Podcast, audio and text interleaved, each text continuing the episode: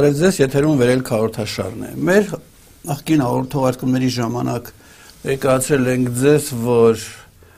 մոտ 1000 տարի առաջ կորցնելով պետությունը մենք գտնվել ենք, այս կարելի ասել, պատմական զարգացման ընթացքից դուրս եւ չեն կարողացել ձևավորել քաղաքագիտական դպրոց, տնտեսագիտական դպրոց, փիլիսոփայական դպրոց, հոգեբանական դպրոց ու նաև մենք չենք ունեցել հնարավորություն, որ ինքներս մեզ վերլուծենք եւ հասկանանք ինչ է կատարվում եւ ձևակերպենք մեր անելիքները։ Հարցն այն է նաև նաև նորմալ պատմագիտական դպրոց չենք ունեցել այդ ընթացքում եթե գրառումներ արվում էին արվում էր եկեղեցու կողմից իր իր տեսանկյունից եւ համարվում էր, որ ասենք 301 թվականից առաջ մենք ընդհանրապես պատմություն չենք ունեցել։ Հետո անցանք կոմունիստական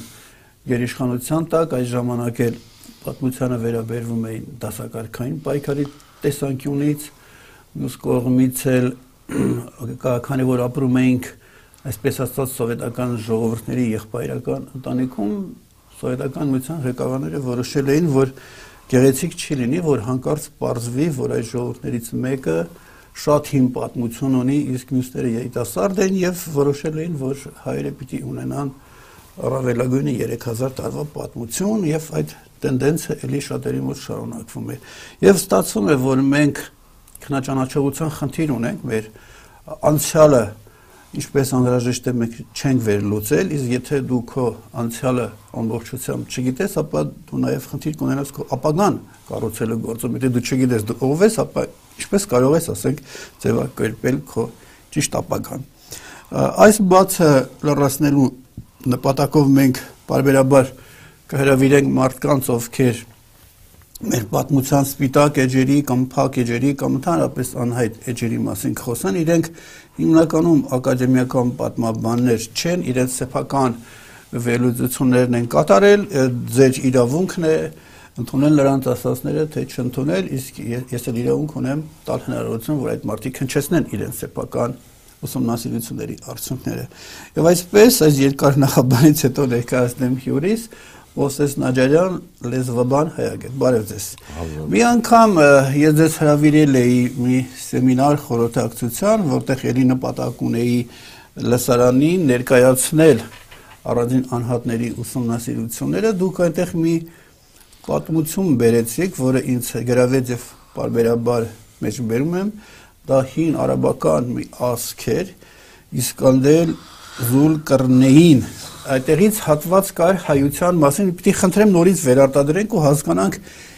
ինչ էր գրված հայերի մասին եւ մենք երբ եղել ով են եղել այդ ժամանակ։ Խնդրեմ, ինչ է ասում այդ ասքի մեջ մեր մասին։ Միջին Մերձավոր Արևելքի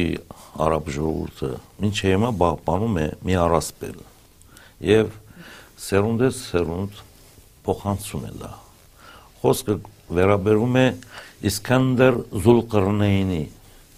անձին մասին սա Ալեքսանդր Մակեդոնացին չէ առասպելական դարձած անձնավորություն է մենք չենք գիտեր ոչ ժամանակակցությունը ոչ մանրամասներ ամենայն դեպս այսպիսի բացմվածք է Իսկանդեր Զուլկրնենը Ղուրնեն կնշանակի կոդոշավոր Սաղավարտ է ունեցել Սաղավարդի վրա կոդոշներ են եղել եւ այս մարդը աշխարհի դիրակալ է դարձել, ամբողջ աշխարհը գravel է։ Աշխարհից հետո հիշում է որ պետք է գնա այցելի Հայաստան։ Այսինքն Հայաստանը գravelու փորձ անգամ չի արել։ Սա արեզվածային է։ Թե ինչու։ Ինքը բարդավորեր ամբողջը դիրել, ամբողջին։ Ուրեմն որոշում է այցելել Հայաստան։ Գալիս է 3 օր ման է գալիս Հայաստանում պատմական իհարկե 3 օր հետո այս Հայաստանում։ Այո, այո։ 3 օր հետո մեկին փողոցում կանգնեցնում է, ասում է եղբայր, ես դուք ո՞նց եք ապրում։ Ապրում ենք էլի, ասում է, ո՞նց պիտի ապրենք։ Չէ, ասում է, ինձ համար հանելուկ մնաց։ Դուք ոչ թակավոր ունեք, ոչ դադավոր ունեք, ոչ ոստիկան ունեք, ոչ հարկահան։ Բայց ասում է նորմալ ապրում եք, այսինքն չի խախտվում ձեր կենցաղը։ Է ասում են շատ բարձ է պատասխանը։ Մենք ասում ենք ընդամենը աստծային օրենքներով ենք ապրում։ Մեզ պետք չեն այդ ամենը, ինչ որ նշեցիք։ Սա իհարկե մեզ դասը հրաշալի մի բան է։ Եթե մենք աստվածային օրենքները ճանաչենք, ուրեմն կարող ենք հաղթահարել նաև այն ամբողջ մարդահրավները, հրավերները, որոնք այսօր մեր Հիմա փորձենք հասկանանք, օտարը մեր մասին ասում է, դա մենք չենք ասում, որ հետո չասեն մեծամտանում են։ Օտարը գալիս է Հայաստան, ինքը տեսնում է, որ ժողովուրդը այնպես է կառուցում իր կյանքը, որ ոստիկանի հարկահանի դատավորի կարիք չկա, այսինքն խախտումներ չկա, ունեն ունեն օրենքներ, այսպես աստվածային, երևի քրմերն են տվել կամ ով են տվել, մարդիկ դրան կատարում են ու կարիք չկա, որ ինչ-որ մեկը գա հսկի դու հարկը տվեցիր թե չէ, դու հանկարծ գողություն չանես, կռիվ չանես, մարդիկ ասեն քիչ որ կարգավորել է, դա այսպես ասած իդեալական հասարակության պես մի բան է, չէ՞, ստացվում, որ ունեցել ենք փաստացի։ Եղել է, իհարկե, դա մենք չենք ասում, մեր հարևաններն են ասում, այնպես որ այդ իդեալականին հասնելու խնդիր ունի ոչ միայն հայ ժողովուրդը, նաև ամբողջ աշխարհը այսօր։ Հիմա աշխարհը աշխարհը ձգտում է, բայց բարձում է մենք ունեցել ենք անհիշելի ժամանակներում, որ հիմա եթե հարցնես հայ ժողովրդին, քանի տոկոսն է տեղյակ, որ այդպիսի ինքը արժե համակարգ է ստեղծել, որ անգամ իշխանության կարիք չի եղել, մարդը հասկացել է, որ Եթե ես բերք ստացա, ապա 10%-ը պիտի տամ իմ զինվորին, իմ կարիքավորին, իմ որփին եւ այլ եւ այլը, չէ՞։ Այո։ Կամ եթե ինչ որ մեկը նեղության մեջ է, ոչ թե գողություն է անում, այլ ասենք համայնքը իմանալով այսպես վերլուծենք, ինքը ասենք նրա հարցերը լուծում է եւ դրա համար կռիվներ, կոնֆլիկտներ չեն առաջանում։ Իհարկե դրա ամբողջ հիմքը բարոյական սկզբունքներն են որոնք ունեցել ենք մենք։ Եվ դրա շնորհիվ որ 15 թվականի, ասենք, ցեղասպանությունից հետո, երբ որ հայերը թափվեցին արաբական աշխարհ,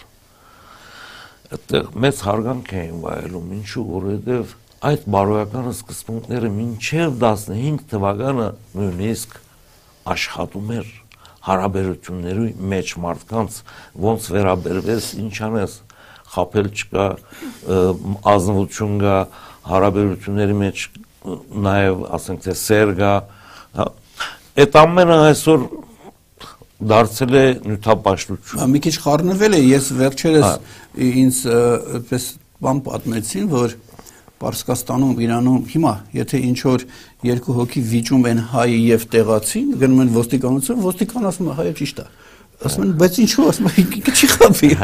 լսել եք այդպեսի բան այդպեսի բան ինձ հետ էլ է պատահել ես Սիրիայի քաղաքացի եմ եղել մինչև Հայաստան գալիս մի 40 տարի առաջ բայց Լիբանանում եմ ապրել համենայն դեպս Սիրիայում եմ ծառայել բանակում այնտեղ մի օր բերեցին ես բանակի զինբահեսցի գարկավորողն էի հսկիչն էի այսպես ասեմ եւ ընդեղ էի մշտական ազատված մյուս բարդականություններից ամենայն դեպս մի օր բերեցին մի ծովու ասացին այս երկուսը գրվել են իրար հետ արաբ մարդիկ են դարբեր կրոնի դարբեր կան իսլամներ էլ կան ոչ իսլամներ էլ կան մեջները ասացին այս երկուսը գրվել են խնդրում եմ որ հաշտեցնեք իրար հետ այ մարդը ես ով եմ Ես իմ մեջ չի հարի։ Ես ով եմ։ Նախ սպա չեմ, ենթասպա չեմ։ Հետո ոչ էլ տեսք ունեմ, մերուկես տիզ հասակ ունեմ, այսինքն ինչի համար ինձ են դիմում, սա հանելու եւ ինձ համար։ Ասի գնացեք դեր սպաներ կան, ենթասպաներ կան։ Չէ, միան ձեզ են ենթարկում։ Այ քեզ գրա։ Էս ով եմ ես։ Եվ բարձվեց, որ վերջ-վերջո հայը ասած իրենց համար օրենք է։ Որտեղ մտածում ինքը անաչար արդար կդատի էլի։ Այո։ Ինչ որ մի գերադաս։ Այդպիսի հարգանք եւ բադիվ է ունեցել հայ մարդը դարեր շարունակ ոչ թե միայն ցեղասպանությունից հետո իր վարկու պարկի հետևանքով։ Ուրեմն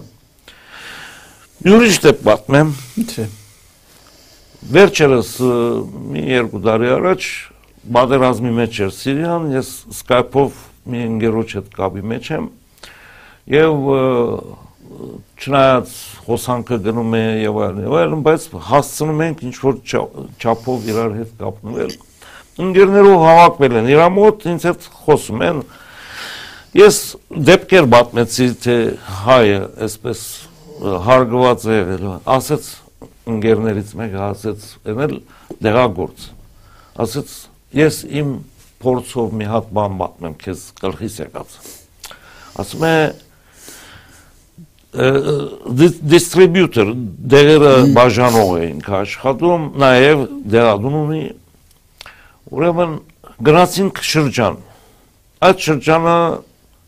բավական հեռու էր, մի երևի 100-150 կիլոմետր։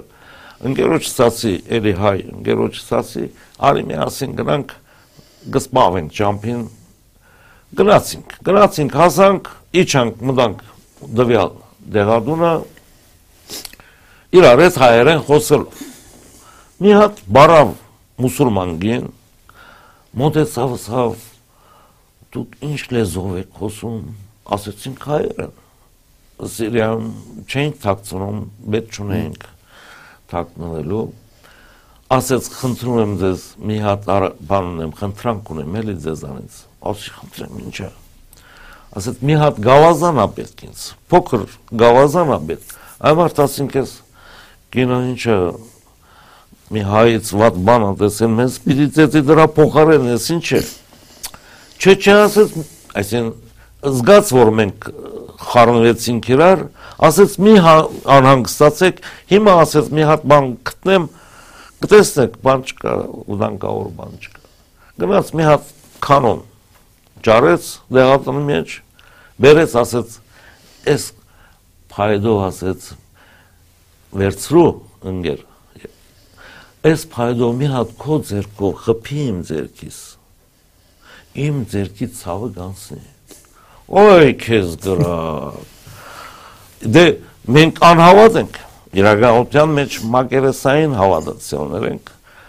այդպիսի ուժերի բաների չենք հավատում շատ մատերիալիստ ենք դարել նյութա այսինքն նյութաբաշ չասեմ, բայց ամենատեղս շոշափելիին ենք հավատում։ Այո։ Ուրեմն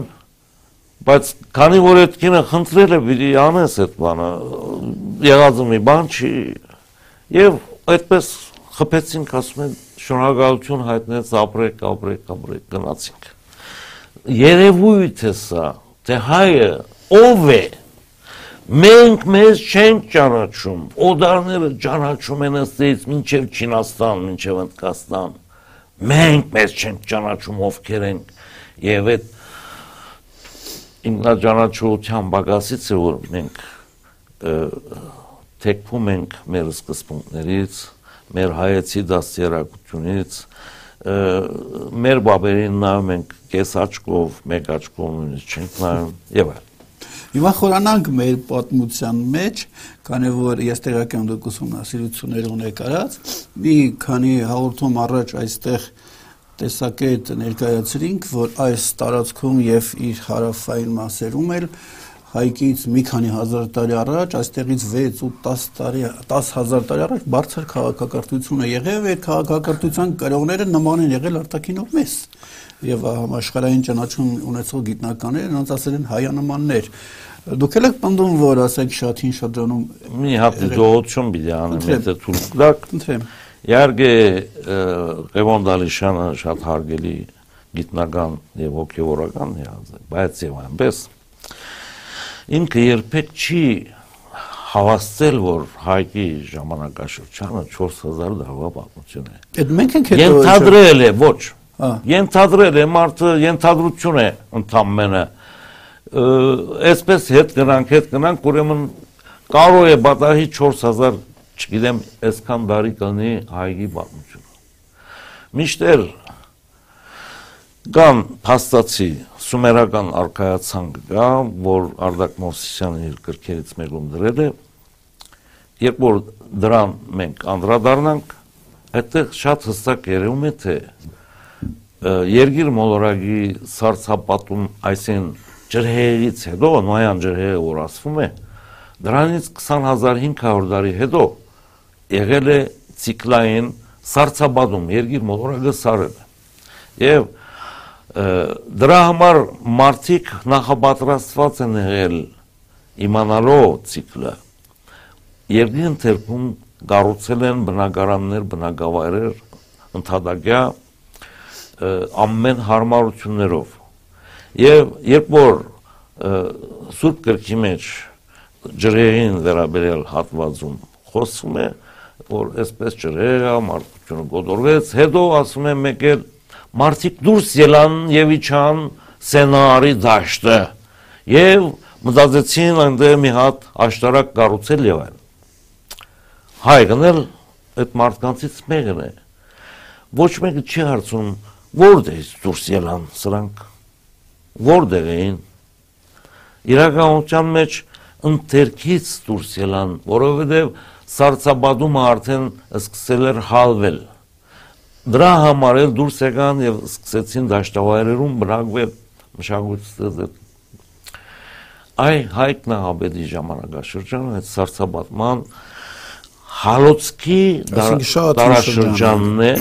եւ սրանք դիեզերական ցիկլեր են կապված կենթանագերբերի ցիկլերի հետ եւ իմ հետազոտություններով գտել եմ որ դա մեզանից 13000 տարի առաջվա պատմություն է։ Այնպես որ պետք է նկատի ունենանք այս ամենը փաստացի ցիկլերը նկատի ունենալով հաշվարկելով կարելի հասնել ճշմարտության։ Նաև շատ ուշադիր դառնալ այդ գրվածներին։ Մենք օ քրիստոնեությունը չենք ընդունում։ Մենք հետամոս ենք, եսի ինչ ենք։ Եղբայր, մեզ հասած գրականությունը ամեն ինչը մեզ համար շատ կարևոր է։ Ուրեմն պետք է բարարբար, դարարդար դրանք ուսումնասիրենք։ Եվ ոչ թե ասենք, չէ, ես չեմ ընդունում վերջը տապեցի։ Ինքնա բացարգում է, ինքնա ոնց որ ժխտում է սա, չի կարող բադայ այդպեսի բան Մի բան էլ եթե ուզում եք ավելացնեմ քրիստոնեության ընդունման հետ կապված։ Ձեր կամքն է։ Մեր բաբերը հիմար չէին այդքան գիտելիք ունեցող ազգը։ Հիմար չէր որ քրիստոնեությունը ընդուներ։ Նախ քրիստոնեությունը առաջի դարում ապկար թակավորի ժամանակ թակավորը ինքը իր ընտանիքով ընդունեց եւ թույլ տվեց որբեսի քրիստոնեություն դարածվի Հայաստանի դարածքում այնպես որ քրիստոնյաներ կային նախքան Գրիգոր Լուսավորիչ կոչեցյալը իսկ նա բարդացրաբար բերեց քրիստոնեությունը Հիմա այդ թեման թողնենք, այդտեղ այդ կարիքը հետո ցավալի բաներ կան։ Գիտեք, որ իրամերժ կարծիքներ կան։ Հիմա մի քիչ ավելի խորանանք մեր հին պատմության մեջ, դուք ասում եք, որ մոտ 13000 տարի առաջ այստեղ ժողովուրդ է եղել իր եւ հայտնել վերադարձել է իր papերի հայրենիքը ոչ թե ինչ որ մի հատ դատար դատար կտարած դա համընկնում է այն աշխարհահռչակ հնագետների կարծիքին որ 12000 տարի առաջ այստեղից եղել է բարձր քաղաքակրթություն որը մոտ 10000 տարի մնացել է երկու Տիգրան մեծից մի քիչ առաջ կամած սկսել է, ասենք, խամրել։ Խամրել ու կարելի ասել, որ այդ ենթադրել, որ այդ շրջանում ձեր այդ այդ արաբի տեսած արժանապատվային կարգեր են եղել, ասենք, հա մարդիկ օրենքներ են ունեցել, օրենքները պահել են։ Դուք նաև Վահագնի ծնունդի հետ կապված ասում եք, որ դա ոչ թե կոնկրետ Վահագնի ծնունդն է, այլ այլ բան է գրված։ Այ խնդրեմ, ինչ է գրված։ Հիմա խորենացու հիմքերով մի խոսենք, որովհետև միակ իսկապես արժանավոր աղբյուրն է մեզի համար։ Իհարկե դրանից բացի նաև կան դեղանունները, որոնք ավանդվել են աշխարհագրությունը եւ այլն եւ նաեւ մեր լեզուն, բարաբաշարը, որոնք բացահայտում են այդ իրականությունները, որոնք խորենացին մեզ ավանդել են։ Խորենացու մոտ երկու վահագն կա։ Երկու վահագններն էլ խառնված են իրար իրականության մեջ, սա է ճշմարտությունը մեր։ Որովհետեւ խորենացին երեկվա պատմի չէ։ Այսինքն մենք շատ-շատ վաղ ժամանակ։ Եթե 13 առնվազն 13000 հաշվես, առնվազն 13000։ Ուրեմն իհարկե հայգից է սկսվում մեր պատմությունը, հայ ժողովրդի պատմությունը։ Դրանից առաջ չկար ազգային այդպես բաժանումներ, բաժանարարներ չկային, բոլորը մեկ արարված էակներ էին եւ այլն եւ նույն լեզվով էին խոսում հետո Բաբելոնի աշտարակաշինության ժամանակ խառնակցություն եղավ ամեն մեկը քաշեց գնաց մեկ կողմ եւ բարբարով սկսեցին խոսել ուրեմն հետո ստեղծվեցին այդ բարբարների հիման վրա նաև ազգերը դարբեր։ Նրանցից առաջացած այլ ենթակա ազգեր եւ ուրեմն խորենացու մոտ վերադառնանք Վահագնի պատմության երկու Վահագն հիշադակված է։ Մեկը Վահագնի երկի մեջ երկի արիթով ավելի ճիշտ է երկում չի հիշադակում անունը։ Բայց ասում է սա Վագնի նվիրված երգ է։ Մյուսը վերաբերվում է հայոց նահապետ ասեմ, թե թակավոր ասեմ, Երվանդ Դիկրան Երվանդյանի գրծեր որդու մասին, որի անունը հերթականորեն Վահագն էր, որը մեծ կաչագործությունները կատարել Մարերի վերջի արքայի դեմ պատերազմում եւ դրա համար ստացել է վիշապաքաղ Մակտիրը։ Նա այս առաջին Վահագնը չէ, որի մասին երկն է երկում, որովհետև սա իրականության մեջ ոչ թե Վահագնի ծննդյան մասին է խոսում, Այն մյուս Վահագնը Դիկրան Երվանդյանի Վահագնը կարող էր ծնվել երկրի վրա։ Բայց սա խոսում է ոչ թե Վահագնի ծննդի մասին, այլ խոսում է դիեզերա ծնության մասին։ Բոլոր հին ժողովուրդները դա ունենում են դիեզերաձնության իրենց վերսիան։ Մեզ հասել է միայն այս պատարիկը շփախտապար, բայց հսկայական ինֆորմացիա գրում մեջ։ Այնա որ մենք այսօր այնքան հայերեն չգիտենք, որ հասկանանք ինչ է գրած։ Շփախտություն է։ Լացս գալիս է իրականության մեջ։ Երբ որ ասում է երկներ երկին եւ այլն, ես իմ գոմից այդ երկի սկիզբը դրել եմ մի հատ բար, որովհետեւ ստակ լինի թե ինչ է կատարվում։ Այսին դա ուղղակիորեն համապատասխանում է. Իրավունք դալիս եմ ես ինձ այդ բարը դնելու, Աստված բարն է։ Աստված երգում էր երկինքը, երգում էր երգերը, երգում էր ծիրանի ծովը, եւ ծիրանի ծովից դուրս էր գալիս եղեգնիկը եւ այլն։ Հասանք եղեգնիկին Ուրեմն այս պատկերը մեզի համար մի քիչ դարօրինակ է։ Նախ ծովի ծովի մեջից ոնց երեքնիկ ափից կարող է աճել, բայց ոչ թե ծովի մեջից երեքնիկ դուրս կա։ Կարակով, բոցով։ Այո։ երեքնիկը ոնց կարակ ու բոց։ Ոնց ծուխեր ելնում, բոցեր ելնում։ Իրականության մեջ արաբական առասպելների մեջ էլ կա ոչ թե եղեգնիկ է ասում, այլ ասում է կալամ։ Կալամը գիտեք, գրիչ է, մադիդ է։ Մադիդի փողից դուրս ելնում եւ այլն։ Պատկերացնում եք, հետաքրքիր բան է, որ մեր այդ բադարիկը արաբները պահպանել են իրենց մոտ ավելի քունեղ ձևով։ Հետաքրքիր է շատ։ Եվ այնտեղ նույնիսկ գիշատակվում է Վահագն անունը, բայց ոչ որպես անուն։ Վահաջա դուխան ասում է, եւ բորբոքվեց ծուխը։ Այդ նույն երեքների պատմությունն է։ Ուրեմն երեքնիկը գիտեք որ հին ժամանակներում որպես գրիչ օգտագործել են երեգնը թանակի մեջ թաթխեր են ծայրը սրած գրել են այսինքն այդ հանգամանքով կարող էր փոխվել կալամի չի բացառում նույնը լինելը։ Ամենանցեպս կարևորը սա է, որ այդ երեգնիկը ընդհանրապես ներկայացում է իրենից հրաբուխի ժայթքումը։ Հրաբուխը, որ դուրս է եկել ջրերի տակից, առաջի ցամաքն է դրանից կազմավորվել։ Այս հրաբուխը մենք գիտենք, որ առաջ ծուխ է հանում, հետո բոց է հանում, հետո լավա է ժացքում, եւ այդ լավայից կազմվել է առաջին ցամաքագղզին երգիր մոլորակի վրա, որովհետև մինչ այդ ամբողջ երգիրը ջրով ծածկված էր։ Այդ բոլոր առասպելներում էլ իշարակում է հանգաման։ Ուրեմն նույնիսկ լեզվաբանականորեն եթե մենք մատուցենք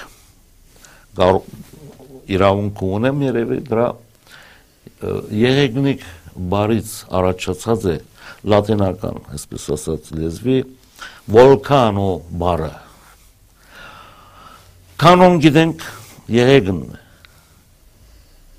Որից մեր կանոնն է։ Ինչի կանոն։ Դա իր հերթին իր բացատրությունը ունի։ Որովհետև օագներ կան, օագներ կան, հերթական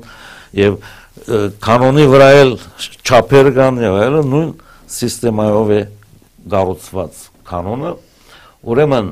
որ կանոնի մեջ որը ուղագերուն հայերեն փող բառն է եկան փողն է վոլկանո բառը վոլկանոն եղավ արդեն հրաբուխ մենք գիտենք որ վոլկանոն է բայց եկան փող չգիտենք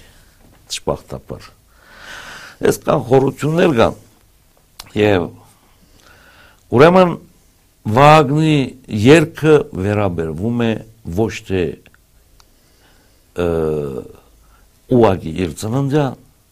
որովհետև ինքը դիեզերացին էր, որովհետև մաշտոց իր գործերից մեծ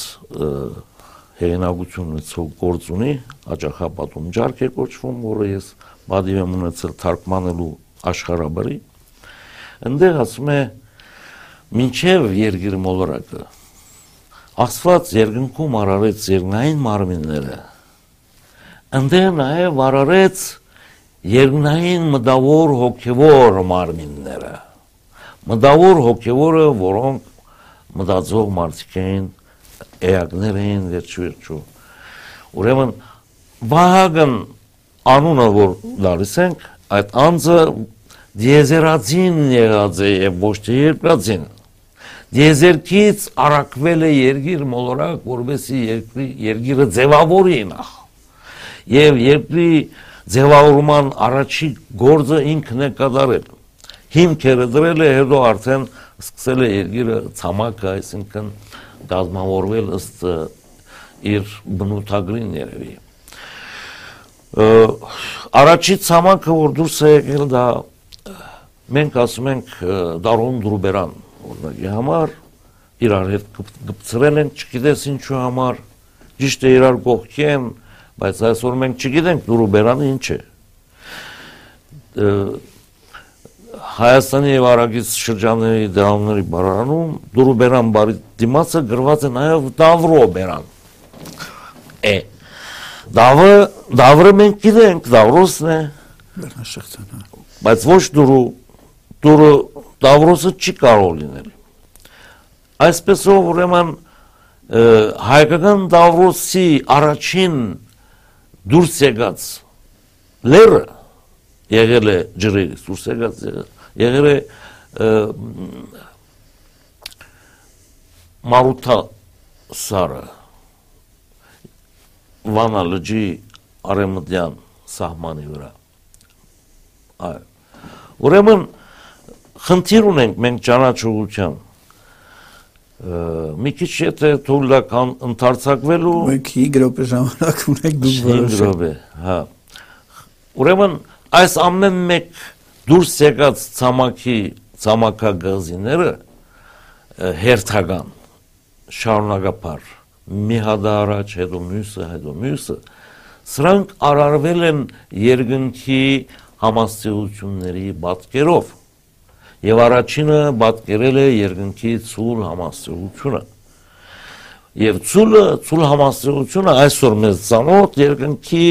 ուրեմն երևում է ասքանը, այսինքն գլխից մինչև գուրծքը մնացածը չի երևում։ Դրա վրա էլ հեքիաթներ են հյուսել ոմանք աբուշ հեքիաթներ են ուսել ինչ որ է դա գոչվում է դավրո բերան դավրո այսինքն ցուլի բերանի տարածք որը գազմում է վանա լճի էտել ասեմ ուրեմն արաբական առասպելի մեջ ասում է այս այդտեղից այստեղ բաններ այսպես գրիչ ուրեմն այդ լերը որ տեսնում եք, Ահա, այսպես գալիս է մինչև այստեղ, այս քանը կառուցում է ծուլի բերանի տարածքը։ Եվ արաբական առասպելը շատ հետաքրքիր դրյալ է դարձ։ Ասում է, եւ ծուլի մրոթը ջրի մեջ էր։ Եթե մենք սա վերցրեցինք որպես հայկական դավրոսը որպես ծուլ, այս կոմի վրա չկա ջուր։ Այստեղ բերանը արդեն նկարագրեցինք Վանա լճի կեսներ մեջն է։ Այնպես որ ուղղակի պատկերված է առասպելաբանության մեջ աշխարհակրությունը։ Այ սա շատ հետաքրքիր է։ Եվ շարունակության մեջ իհարկե մյուսներն են արարվում, վերջում ասում է, ասեց կոֆլերը արարեց ամենավերջում։ Դա ինչ է։ Արաբ հետազոտող գրել է կաֆ ասում է այսպեսի լեր ոչ բացության մեջ հայժդակված ոչ էլ աշխարհական կարդեսներում կան սա առասպելական լեր է եղբայր ասում եմ դու արաբ ես դու պիտի իմանաս որ Կովկասին ասում են Կավկաս արաբերենով Կավկոպ Կավը մեջն է Կավկոպ էր կոչվում մոտ Այո։ 500 թվականներին։ Էգովն է իրականության մեջ Կովկասը Մաշտոց ասում է Աստված ամեն զույգերով արարեց Մենք ընկալում ենք տղամարդ եւ գին արու եք այդքանը չէ միայն սա մի հատ բանալի է ընդարձակ նույնիսկ բարերը զույգերով է հորինել եղբայր Ձով են ասում նրա զույգը ձավն է օրինակի համար։ Ձավի են ասում չգիտենք ինչու երկնագույնը նշանակում։ Եղավ։ Ուրեմն սրա զույգը եղել է հայկական Դավրոս լեռնաշղթան։ Զույգը Կովկասյան լեռնաշղթան։ Ամբես որ այս ամբողջ տարածքը ձևավորվել է առաջինը երգիր մոլորակի մագերեսին։ Հետո է որ ջրերի ժամանակ ջրերը եղել է ոչ թե հենց այդպես մի հատ անձրևի ջրեր, այլ եղել է ցունամի։ Այսօրվա մենք ասենք պատկերացում ունենք ցունամի։ Ուրեմն այնպեսի մի ահավոր մի իրավիճակ է եղել, որ ցամաքը բաժան-բաժան է եղել։ Այդ ժամանակ է որ երևացել են, ասենք, մար ցամաքից անջատված մյուս ցամաքա մասերը, հինգ ցամաքա մասերը, այսպես կոչված։ Այնպես որ սրանք ամբողջովին կարելի է ասել իրական իրական բաներ են, որովհետև ոնց կարող է ստեղ լերան անունը մի անուն ունենա,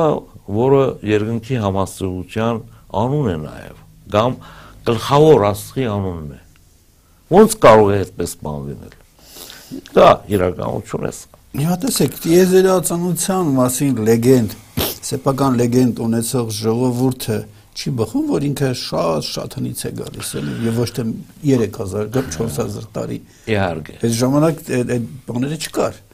Հուշեր կա, ինչ որ նույնիսկ այդ ժամանակ դրանից մի քիչ հետո եղել են է թե էլի։ Իհարկե, մարդ արարածը երկրի վրա, երկրացին մարդ արարածը, ոչ թե դեզերքից եկածները, երկրացին մարդ արարածը ունի 115000 տարվա կյանք։ Այս մոլորակից վրա։ Մենք դրանից 5000 6000 հասցնում ենք մինչև 10000, դրանից դեռ չգիտենք շփախտապար։ Սա մարդկային ողբերգություն է կարելի ասել։ Մինչդեռ այնինչ որ նկարագրված է եւ Սուրբ կրկում ասենք ինքը դակարանում եւ ուրիշ հնդկական վայնախյան եւ այլն եւ այլն չինական առասպելաբանությունների մեջ դրանց շատ լուրջ պետք է վերաբերվել եղբայր ասում են դրախտի այգին ընդդեմ դրած է հնդկական առասպելաբանության մեջ ասում է հրեշտակները այսպես կոչված ռիշի ռիշիները ռիշա մի քիչ ուրիշ ձևի են հնչում իրենք մահարիշի հա այո սրանք ժողով են գումարել հրեշտակներն են ժողով են գումարել որոշել են որ մարդ պիտի արարեն այսպեսի բան կա եւ այդ ժողովը դեղի անունը հիշալակված է այնտեղ հնդկական առասպելաբանության մեջ անունը Վարդո է։ Այդ Վարդոն հայկական լեռնաշխարի վրա այսօր Բյուրագնան լեռների փեշերին ծվարած մի հատ ավան է։ Այսօր ինչ է հիմա գոյություն ունի։ Եվ սա բադահականություն չէ։ Եթե հրաժամը սպառվում է, ես պիտի ձեզ խնդրեմ կարճ ամփոփեք, բայց մի դրվակ ասեմ, չանդրադառնանք, բարձրապես ինձ զարմացրել է, կարծեմ ձեր դասախոսությունների ժամանակ էր այդ Տավրոսի մոտերը կա մի լեռ, կոչվում է Արիուցի լեռ, եւ եթե երկնքից նկարում են դա արուստ է թաթերը դրած մարդը երկրի վրա ապրող մարդը չէր կարող տեսնել որ դա առյուծ է հասկանում եք երբ որ քայլում ես հողի վրա դու չես տեսնի որ երկնքից առյուծ է ինձ համար մնացել է հանելուկ թե ինչպես կարող էին իմանալ, որ այդ լեռը եթե երկնքից նայես առյուծը, երբ որ դու ապրում ես հողի վրա, նշանակում է նաև վերևից էլ են կարողացել նայել։ Հիմա խնդրեմ ամփոփեք մեր հաղորդումը, որը ասեմ վերջինը չի էլի կհանդիպենք։ Իհարկե առյուծը դերսիմի լեռներն են, Մանձուրյան լեռներն են, Մանձուրի լեռներն են, Մանձուրը մեծ ձորն է, առաջի ձորն է, Սասնա մեծ մհերն է։ Եվ ինքն դեղ ապնակվել դրա համար էլ մանզուր է կոչվել կամ մուզուր է կոչվել այսօր էլ պես անուններ։ Հիմա ամփոփենք այս հաղորդումը։ Կարճ։ Մենք կարող ենք հուսալ, որ մեր հերոստա դիդոները, մեր հետևողները այս հաղորդման շարունակապար կուզենան ցանկանան հետևել, որպեսզի դերյակ լինեն իրականություններին, որոնք չեն գրված որևէ ուրիշ տեղերում։ Եվ մեզ ամեն ձևով այսօր փորձում են շեղել, նաև խაფել, որովհետեւ մենք չիմանանք մեր իրականությունները։ Եկեք լրջանանք եւ մեր բացության, մեր անցյալին նայենք բաց աչքերով։ Մեր լեզվին նաև հսկայական ամբար է մեր լեզուն, ոչ թե հաղորդակցության միջոց է, այլ գիտությունների բանալին է։ Այդպես շատ ոսկերչական շկրտությամբ պետք է վերաբերվել բարերին։ Ես էլ եզրափակելով մեր հաղորդումը ուզում եմ հերոստատիտողին կրկին հիշեցնեմ այն հաղորդմանը սկզբում, որ դուք ներկայացրեցիք արաբական ասքում հայերի կենցաղի մասին, որ ասեմ հայեր շատ հին ժամանակներում մենք ունեցել ենք իդեալական մի պետություն, որտեղ անգամ իշխանության կարիք չի եղել, քանի որ մենք ունեցել ենք այն գիտակցումը կարելիների, չի կարելիների եւ